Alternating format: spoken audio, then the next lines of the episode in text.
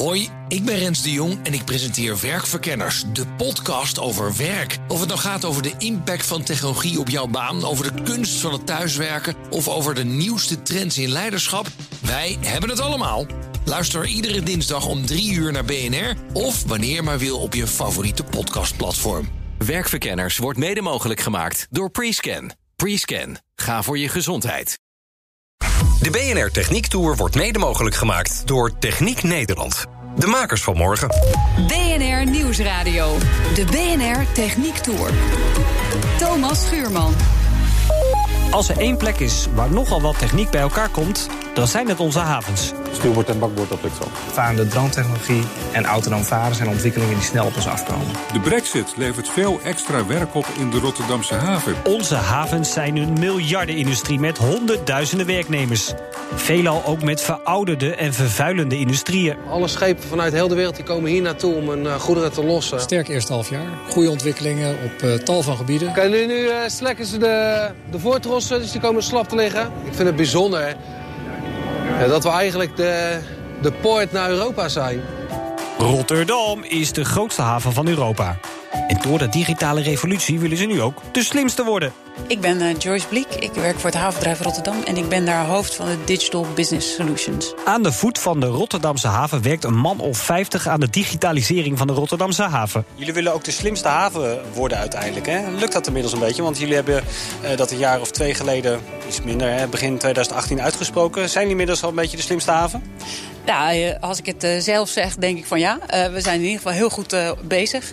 we doen een aantal dingen in de haven. Veel meer op IoT en wat we dan noemen de digital twin. Dus een digitale laag op alles wat we fysiek ook in de haven hebben. En we zijn ook bezig om echt digitale producten voor onze klanten te ontwikkelen. Dus we zijn aan twee kanten echt digitaal aan het worden. Maar dat moet ook wel, want onze hele omgeving wordt digitaal. we hebben het over autonoom varende schepen. We hebben het over pratende kranen, over intelligente kademuren. Dus uh, het is een heel breed spectrum wat op onze haven echt impact heeft. De slimste haven, is dat ook een beetje een containerbegrip? ja, want er komen hier heel veel containers. En de slimste haven is natuurlijk uh, een term die je moet vullen.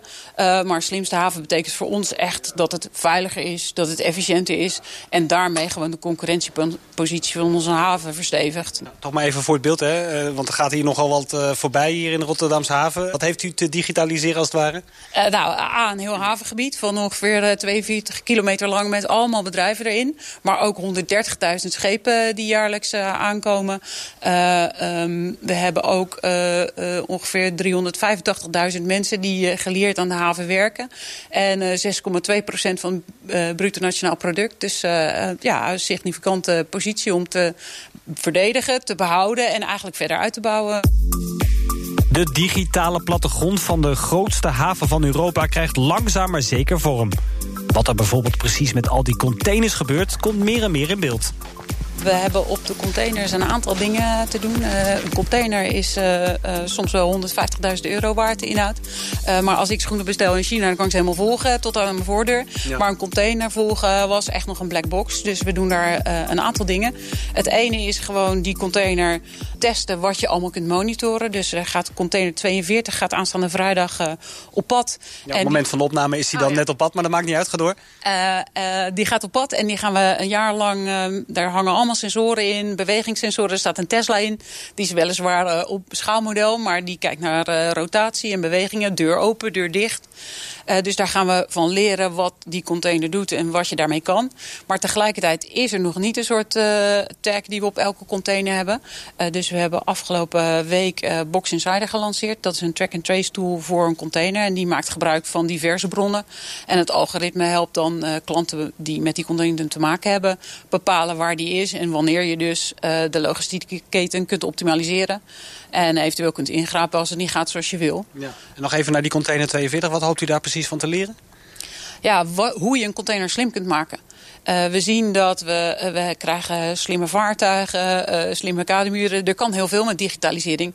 Maar wat de impact daarvan is, is echt nog iets wat we samen met onze klanten en samen met de partijen in de haven moeten ontginnen. En uh, die container 42 met al die sensoren, daar gaan we met z'n allen hopelijk heel veel lering uit trekken. De cybersecurity is een van de belangrijkste onderdelen bij. Uh, wij zijn een havenautoriteit, dus uh, in principe hoef ik niet te weten wat er in die container zit. Maar ik wil wel dat iedereen die containers vervoert, uh, dat via Rotterdam doet. Dus dat je daar een combinatie maakt van, van veiligheid en track and trace. Ja, dat is iets waar wij wel denken dat we de concurrentiepositie van onze haven mee kunnen verbeteren. Die efficiëntie die gaat nog vergroot worden door de komst van autonome schepen. En ja, die gaan er hoe dan ook komen, weet Bliek. Inderdaad, de vraag is niet of we naar autonome schepen gaan, maar wanneer. Uh, er zijn al experimenten, het, het, kan al wel, maar wanneer uh, uh, het echt hier voor je neus vaart op de Maas... zonder dat daar mensen aan boord zijn, nou, dat weten we niet. Als je hier naar buiten kijkt, zie je een van onze patrouillevaartuigen. Mm -hmm. die hebben we omgedoopt tot Floating Lab. daar, zijn we, daar zitten ook allerlei sensoren op. Daar zijn we samen met partijen die autonome vaartuigen aan het ontwikkelen zijn... aan testen van wat doet dat? Uh, wat voor data kun je daarmee ophalen? Wat heb je nodig? Dus dat is de ene kant wat we daaraan doen. Maar je ziet ook dat we alle fysieke infrastructuur in de Rotterdamse haven... die krijgt een digitale component. Dat noemen we de digital twin. Mm -hmm. uh, wat betekent dat dan? Uh, er zitten sensoren in de kademuren. die meten niet alleen of er een schip voor de kant ligt... Maar bijvoorbeeld ook of er uh, vandaag gebaggerd moet worden... of dat dat pas over een paar maanden moet. Ja. Dan meten we het sediment wat uh, voor, de, voor de kademuur ligt. En hoeveel lading een schip dus ook kan hebben. Ja, nou ja, vooral uh, hoeveel diepgang een schip heeft. Ja, dus uh, dat monitoren we. Alleen we zien nog wel dat uh, de wetgeving rondom schepen... en met name ook de verantwoordelijkheid van de kaptein... daar het nog niet toelaat dat je dieper laat dan dan in de contractvoorwaarden staat. Kunnen die 130.000 schepen een beetje ja, feilloos door elkaar heen varen? Uh, ja, nou, dat doen ze nu ook. Uh, dus ja, dat kan. Uh, maar voordat dat digitaal kan, zijn we natuurlijk wel een paar stappen verder. Dus aan de ene kant is dat Floating Lab gaat ons daarbij helpen. Wat kom je nou tegen in de echte situatie in de haven? En aan de andere kant zal ook de wetgeving is nu gestoeld op uh, schepen met een hele belangrijke verantwoordelijkheid bij de kaptein. Ook de wetgeving zullen we uh, moeten meenemen om echt tot autonoom varende schepen te komen. Ja, die wetgeving gaat eigenlijk uit van die kapitein, of heel erg nog? Ja, de wetgeving gaat uit van het proces zoals het nu gaat, met ja. kapitein en, uh, en met mensen aan boord. Dus dat wordt ook nog een belangrijke uitdaging voor de toekomst. Dus, prima. Uh, mevrouw Bliek, het milieu is natuurlijk ook iets waar u mee te maken heeft. Uh, de Rotterdamse haven is ongeveer verantwoordelijk voor een vijfde van de CO2-uitstoot in ons land. Uh, in hoeverre kunt u daar aan bijdragen dat het allemaal wat schoner wordt hier? Ja, nou, het havenbedrijf van Rotterdam heeft daar natuurlijk zeker een grote taak. En daar zijn we met uh, heel veel van de partijen in de haven... en ook op het ministerie mee bezig. Digitalisering heeft daar zeker ook een rol. Wat we bijvoorbeeld in mijn afdeling hebben gerealiseerd... is een, een tool die heet Pronto. Uh, port call optimization. En wat dat doet, een uh, schip komt de haven in en uit. Uh, maar dat gaat natuurlijk nooit zoals je gepland. Want je moet een plek op de kademuur hebben. Er moeten sleepboten zijn. Er moeten um, roeiers maken de boot vast aan de kade. het schip... Kun je dat met een radar niet goed in beeld krijgen? Ja, dat kun je goed in beeld krijgen, zo'n schip.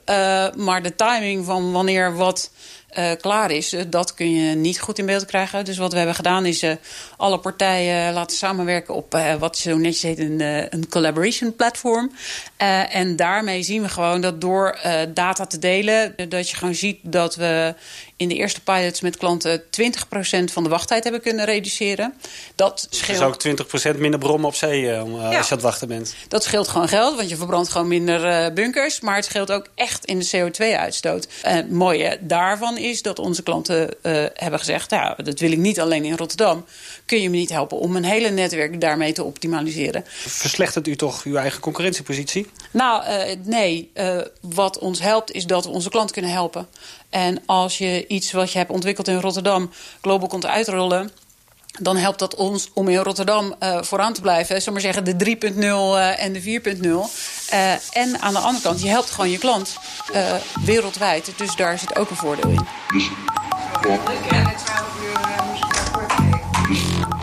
En als ik hier zo over die Rotterdamse haven uitkijk... weet u ook precies hoeveel het hier in de lucht is en zo? Uh, nou, uh, we hebben wel een hele WeNose-netwerk uh, neergelegd. Dus dat? Ja, dat zijn snuifpalen, slimme palen die sensoren, ja, sensoren hebben... die in de hele haven diverse uitstoot meten, ook fijnstof. En op basis daarvan meten ze weten, kunnen we ook kijken wat we daaraan kunnen en moeten doen. Maar hoe ziet dat eruit, dat WeNose network? Ja, dat ziet er gewoon uit als een, een lantaarnpaal, maar dan met een, eh, een kastje erop. En daar zitten sensoren in. En die ja. zit ook een mooi zonnepaneel op, die houdt het uh, ding gaande. En zie ik er al eentje van hier langs de Maas? Of kunnen we er eentje ergens ontwaren? Hoe groot zijn ze bijvoorbeeld? Uh, nee, het is een grote lantaarnpaal. vanuit hieruit zie je er geen maar langs de weg... Ik zie wel de Euromas, maar die is ja, wat hoger. Dat is, niet, dat is geen WeNose nog. Maar dat zou wel een goed idee zijn om daar nog een kastje op te hangen. Ja, maar op die manier krijgen jullie dus precies in kaart... wat hier in de lucht hangt, hoe zich ontwikkelt, et cetera. Ja, ja, en dus wat je daarmee moet gaan doen samen met uh, de klanten in de haven. Al met al lijkt het me een behoorlijke revolutie die gaande is... Uh, zeker in jullie haven hier in, in, in, Rotterdam.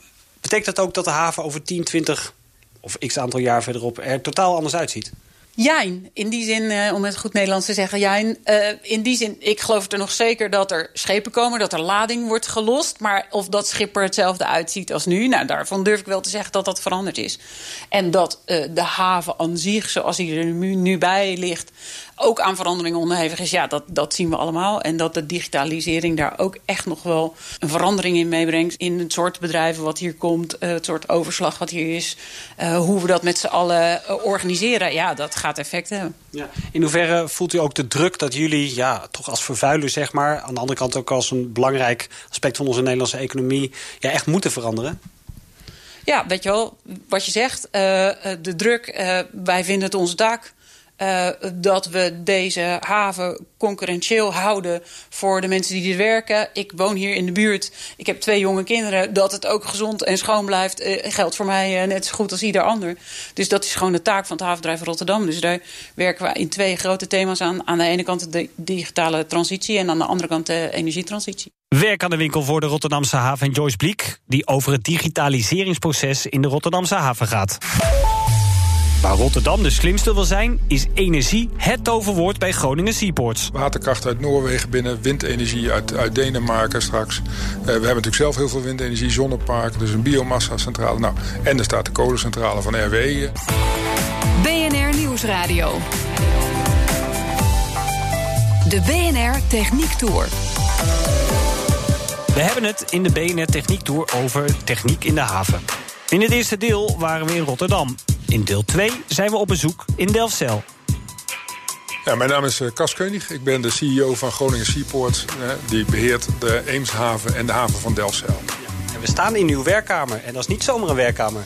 Kunt u toch even voor de luisteraar beschrijven? Wat zien we? Nee, het is een prachtige werkkamer met aan twee kanten uitzicht over, uh, over de, uh, de, Waddenzee. En over een droogvallend uh, waddengebied. Met, in de verte zien we de Eemshaven. En, en als we de andere kant op kijken, dan zien we de haven van Delfzijl. Ja. Dus een prachtig uitzicht. Ja. En we zien aan de overkant zien we ook nog Duitsland? Ja, Duitsland dat ligt hier vijf kilometer verderop. Hè. De Eemshaven is over 17 kilometer verderop. Maar Duitsland ligt dus eigenlijk dichterbij. maar dit zien we inderdaad aan de rechterkant hier. Ja. Rotterdam probeert de slimste haven uh, te worden. Op wat voor manier probeert u zich te, te onderscheiden? Ja, wij zeggen dat we al de slimste haven zijn. Dat is natuurlijk dat, dat, dat is mooi. We hebben al heel lang, dat is grappig, we hebben al heel lang de visie dat als je hier aan de rand van de Waddenzee zou willen groeien, dat je dat op een groene manier moet doen. We hebben in 2012 al een havenvisie 2030 gemaakt. We noemen dat de groene havenvisie, waarin we gezegd hebben als je hier wil groeien en als je hier, hier wil ondernemen... dan moet je daar ook een groen aspect aan, aan hebben zitten. Nou, en dat is waar we op acquireren en dat is ook wat we, wat we realiseren. Dus daar zijn we heel erg, heel erg trots op. Ja, maar het komt ook omdat jullie heel veel doen met de energiesector. Ja, we hebben natuurlijk... De Eemshaven verzorgt dagelijks 30% van de, van de energie die in Nederland gebruikt wordt... komt uit de Eemshaven. Daar staat in totaal 8000 megawatt opgesteld vermogen. Dat is echt gigantisch van allerlei bronnen. Hè. Er zijn natuurlijk twee gascentrales. Daar komt waterkracht uit Noorwegen binnen, windenergie uit, uit Denemarken straks. Uh, we hebben natuurlijk zelf heel veel windenergie, zonneparken, dus een biomassa-centrale. Nou, en er staat de kolencentrale van RWE, uh, staat daar natuurlijk mm. prominent uh, in de Eemshaven. Ja. Dus heel veel energie. We gebruiken hier ook heel veel energie. Hè. We hebben een heel groot datacenter van Google hier nu staan. Die worden overigens nog weer verder uitgebreid. En dat staat nu voor een miljard. Dat wordt straks voor 2 miljard. En, uh, aan investeringen wat daar staat. Gebruikt relatief veel, uh, veel energie. Nou, dat is waar wij uh, op focussen. Eemshaven and the chemical cluster in Delfzijl are developing from a traditional chemical industry with port facilities into one of the largest bio-based chemical sites in Northwest Europe. Jarenlang was het havengebied een treurige bedoeling. Mensen hoopten op familiefeesten en bruiloften dat er vooral niet over de Groningen havens gesproken zou worden. Pas de laatste jaren zit Groningen Seaports in de lift. De Eemshaven is vooral gericht op energie, met bijvoorbeeld grote ontwikkelingen op offshore windenergie. In Delfzijl zit 15% van de Nederlandse chemiesector. En daar is de laatste tijd veel energie gegaan naar een groene infrastructuur. Als havenbedrijf hebben we daar zelf in geïnvesteerd. Sinds die havenvisie waar ik het net over had, zijn we uh, kabels en leidingen gaan aanleggen als havenbedrijf. Om bedrijven met elkaar uh, te verbinden. Hè. Zo hebben we een waterstofleiding, we hebben een, een, stikstofleiding, een persluchtleiding. We hebben een stoomleiding, hè, waarbij meerdere bedrijven een stoomleiding voeden. En nog veel meer bedrijven daar weer stoom van afnemen. We staan hier bij een grote luchtfoto van, van ons gebied. En dan zie je dat hier bovenin daar, uh, daar zit een afvalverbranningsinstallatie. Daar zit uh, de, de, de Lesto-centrale van, van Nourion. Uh, daar zit ook de biomassa-centrale van Eneco. Die maken allemaal warmte. Ja. Die warmte gaat door een leiding van Groningen Seaports over het industrieterrein naar een zes, zevental afnemers... die die warmte weer kunnen gebruiken. En zo zorgen we ervoor dat dat hele chemiecomplex zich hier kan verduurzamen... Kan, ge, gebruik kan maken van, van, van restwarmte van, van anderen. Nou, dat is zeg maar onze onze insteek. Wij proberen zoveel mogelijk die bedrijven met elkaar te combineren. En, en wij als havenbedrijf leggen die leidingen en die kabels aan. Uh, de commodities die er doorheen gaan, daar doen we niet in. Hè, dus dat laten we aan anderen over. Maar de infrastructuur is van ons en wij verhuren dat. Kun je zeggen dat het hier schoon is? Ja, het kan altijd schoner, hè, laten we wel zijn. Dat bedoel, dat hoef ook niet, geen doek. wordt toch altijd een beetje ook naar jullie gekeken. Hè? De grote zware industrieën zitten hier als het ware. Hè? Ik hoef maar het woord CO2-tax te laten vallen. En iedereen begint die toch te stijgen, denk ik. Ja, de CO2-tax is natuurlijk iets wat, wat de industrie hier redelijk, redelijk bezighoudt. Hè? Want eigenlijk zijn dit allemaal bedrijven die, die internationaal concurreren. Hè? Die, en zelfs de meeste ook buiten, uh, buiten Europa concurreren. Nou, daarvoor is dit echt een hele lastige exercitie. Uh, dus de, die bedrijven maken zich daar ook gewoon grote zorgen over. Ja. Het is ook voor het investeringsklimaat uh, niet, niet erg helder. Nu hebben we natuurlijk de, de situatie met stikstof... wat het al heel ingewikkeld maakt. Uh, nou, gooi je daar nog eens een keer de onzekerheid... die over de CO2-tax bovenoverheen... dat maakt het investeringsklimaat er niet beter. Zo wil, moet iedereen mee met die duurzaamheidstrend. Al willen ze in Groningen Seaports een stapje bijzetten. Ze geloven daar namelijk heilig in waterstof. Groningen heeft met de havens van Amsterdam en Den Helder hydroports gelanceerd. Voor een CO2-neutrale toekomst. Ik was voorzitter van de industrietafel Noord-Nederland. En daar hebben we uiteindelijk... Uh, de klimaattafel. Ja, aan de klimaattafel. En daar hebben we allerlei ideeën naar boven gebracht om CO2 te besparen. En de 33 waterstofprojecten die daarin zaten, hebben we nog eens een keer uitgelicht. En daar hebben we een investeringsagenda van gemaakt. En die 33 waterstofprojecten, die gaan uiteindelijk ervoor zorgen dat hier die waterstofeconomie tot volwasdom gaat komen. Dat kan hier ook heel goed. Hè. We hebben hier een dubbel netwerk liggen van de gasunie. De gasunie heeft hier... Hier begint de gasrotonde van Europa tenslotte. Of je wil of niet, het is toch het epicentrum? Ja, ja, hier begint de gasrotonde van, van Europa. En, en we willen die, die bestaande leidingen gaan gebruiken om, om waterstof te gaan transporteren. Nou, Toch was er een soort Willy Wortel-uitvinding voor nodig. Die, die ligt daar op tafel? Ja, die ligt hier. Inclusief handtekening van de koning? Ja, we hebben een hele mooie uh, vinding gedaan. Een van onze ingenieurs hier bij Groningen Seaports heeft een kunststof-waterstofleiding ontdekt. En, en, en dat kwam eigenlijk, want we wilden een tankstation aanleggen voor waterstof. Die is er inmiddels ook. En uh, nou ja, om dat uh, aan te leggen, er moesten stalen leidingen heen. Daar werd het project eigenlijk te duur van. En deze ingenieur dacht van, god, dat kan toch niet waar zijn? Uh, en die is net zo lang gaan zoeken tot hij een kunststof vond... waarvan hij dacht, nou, dat zou eigenlijk moeten kunnen. Maar pak hem er eens bij. Wat, wat maakt hem bijzonder? Nou ja, het is eigenlijk een, een, een kunststofleiding gemaakt van, uh, van uh, polyethyleen. Uh, met een, een bewapening van, van Twaron. Dat wordt hier overigens ook gemaakt in de haven van Delfzijl. Wat is dat voor spul? Ja, dat, is, dat wordt ook gebruikt in kogelvrije vesten en zo. Het is een aramidevezel ehm, gemaakt door Tegin hier op het industrieterrein. Um, nou ja, daar, daar is een, een kunststofbuis van gemaakt. En die hebben we laten certificeren door de Kiwa... van kun je hierdoor waterstof uh, transporteren. Nou, we hebben dat certificaat gekregen. En nu hebben we dus een heel leidingssysteem aangelegd... van, uh, van deze PE-buis. Net zoals en, met jullie stoomleidingen? Ja, In feite hetzelfde als onze stroomleidingen. Nou, nu eerst naar het tankstation en we zijn nu het verder aan het uitwerken. Er komt een heel netwerk te liggen van 3, 4 kilometer van deze kunststofbuis. en die zijn we wereldwijd aan het vermarkten. En daarvoor helpt de handtekening van de koning natuurlijk enorm. Ja. In 2030 wil de haven 7 gigawatt vermogen nodig hebben. Dat is 10 keer meer dan in de Eemshaven nu wordt gemaakt. Probleem in de regio is wel dat het elektriciteitsnetwerk vol zit. Honderden miljoenen worden geïnvesteerd om zeker al die groene stroom het net op te krijgen. CEO Cas Keunig van Groningen Seaports wil heel veel. Maar hij is niet de eerste die merkt dat zijn groene ideeën worden gestuit door dat vermalendijde stikstofvraagstuk. Hij is voor ons een gigantisch probleem. We hebben binnen deze organisatie uh, op dit moment zes mensen die zich daar fulltime mee bezighouden. Met, met de ellende van deze beslissing. Kijk, Hoeveel mensen werken hier voor de duidelijkheid? Ja, we werken met 85 man. Maar goed, dat is nodig, want we hebben heel veel initiatieven ook in de pijplijn zitten. Maar wat kan nu bijvoorbeeld niet doorgaan? Nou, we hebben van Merkstein, een, een, bedrijf wat hier een staalfabriek zou beginnen. Die uh, importeren nu staal, uh, draadstaal van uh, verschillende plekken in de wereld. En dat gaat dan naar Almelo, waar zij daar hekwerken van maken onder andere. En voorlopig ligt dat een jaar, minimaal een jaar stil. Nou, dat is natuurlijk dood en doodzonde. Want dat is eigenlijk een heel mooi, heel mooi vergroeningsproces. Dat zou een hele nieuwe, hypermoderne staalfabriek worden. Schone staalfabriek? Ja, ze noemen het de Green Steel Mill. En elke kilowattuur die we niet hoeven te produceren om zoiets te doen... dat betekent dat er ook geen centrale voor hoeft te draaien. En dat we dus ook geen NOx-uitstoot hebben. Dus hier uh, gaat een project uh, minimaal een jaar in de vertraging... waardoor we dus eigenlijk meer energie nodig hebben... om dat staal elders in de wereld uh, te maken. En, en eigenlijk is dat dus slecht voor de NOx-emissie. Ja. In de basis zou je moeten zeggen... alle projecten die een, een verbetering van de milieusituatie geven... die dus een energie-efficiënter zijn... Nou, die, die dragen daardoor dus ook bij aan een verlaging van de stikstofuitstoot.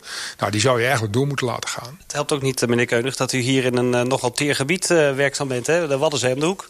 Ja, dit is Natura 2000 uh, gebied. Overigens is dit wel een gebied wat, wat niet zo stikstofgevoelig is. Dus dat helpt ons dan weer. Maar wij hebben ook hier in de buurt natuurlijk en in Drenthe...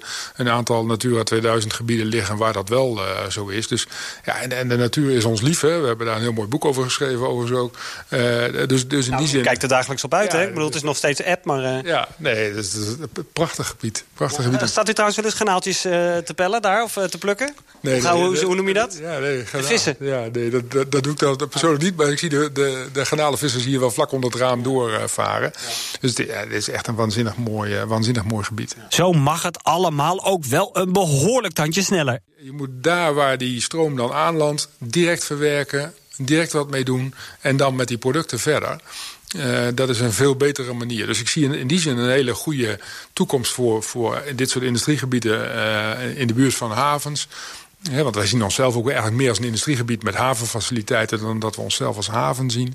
Maar ik zie dus een enorme goede toekomst, omdat ik denk dat daar waar die stroom aanlandt, direct verbruiken, daar direct uh, de, de economisch wat uh, meerwaarde aan geven. Kunt u daar ook veel groter in worden? Want als ik bijvoorbeeld naar de kaartjes kijk van het havengebied, dan begint u redelijk uw max wel te bereiken. Nee, dat klopt. Hè. De Eemshaven, de Eemshaven natuurlijk een heel, hele moeizame start gemaakt. Hè. In 1973, vlak voor de oliecrisis, uh, aangelegd.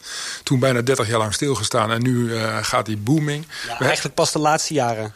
Ja, dus als je, als je heel eerlijk bent, dat zijn we de laatste tien jaar. Hè. Dus de, daar is er echt wel de grote, de grote omslag uh, gekomen. Het jasje begint een beetje krapjes te worden? Ja, het jasje wordt steeds krapper. Ja, we hebben nog wel, we hebben nog wel ruimte. En, uh, maar heeft maar, u dus maar, ook ruimte met het verhaal dat u in uw achterhoofd heeft? Ja, dat wordt wel de uitdaging van, de, van de toekomst. En zeker als je kijkt naar die datacenters. Hè, die praten niet meer over dat ze 10 hectare willen, maar die beginnen direct over 100 hectare. Nou, dan zijn er niet zo heel veel plekken meer in Nederland waar je dat nog kan doen. Maar hier hebben we dan nog wel de mogelijkheden. Ja. Ik dank u. Oké, okay, graag gedaan. U hoorde Cas Keunig, CEO van Groningen Seaports. En daarmee zit deze uitzending erop. Via de app of de site is de BNR Techniek Tour altijd terug te luisteren. En volgende week een nieuw technisch hoogstandje. Met de winter in aantocht gaan we de boel eens lekker isoleren. Met deze wetenschap in zijn achterhoofd kan Thomas zonder zorgen door met de rest van de isolatieklus. De BNR Techniek Tour wordt mede mogelijk gemaakt door Techniek Nederland. De makers van morgen. Hoi, ik ben Rens de Jong en ik presenteer Werkverkenners, de podcast over werk. Of het nou gaat over de impact van technologie op jouw baan, over de kunst van het thuiswerken of over de nieuwste trends in leiderschap, wij hebben het allemaal. Luister iedere dinsdag om 3 uur naar BNR of wanneer maar wil op je favoriete podcastplatform. Werkverkenners wordt mede mogelijk gemaakt door Prescan. Prescan. Ga voor je gezondheid.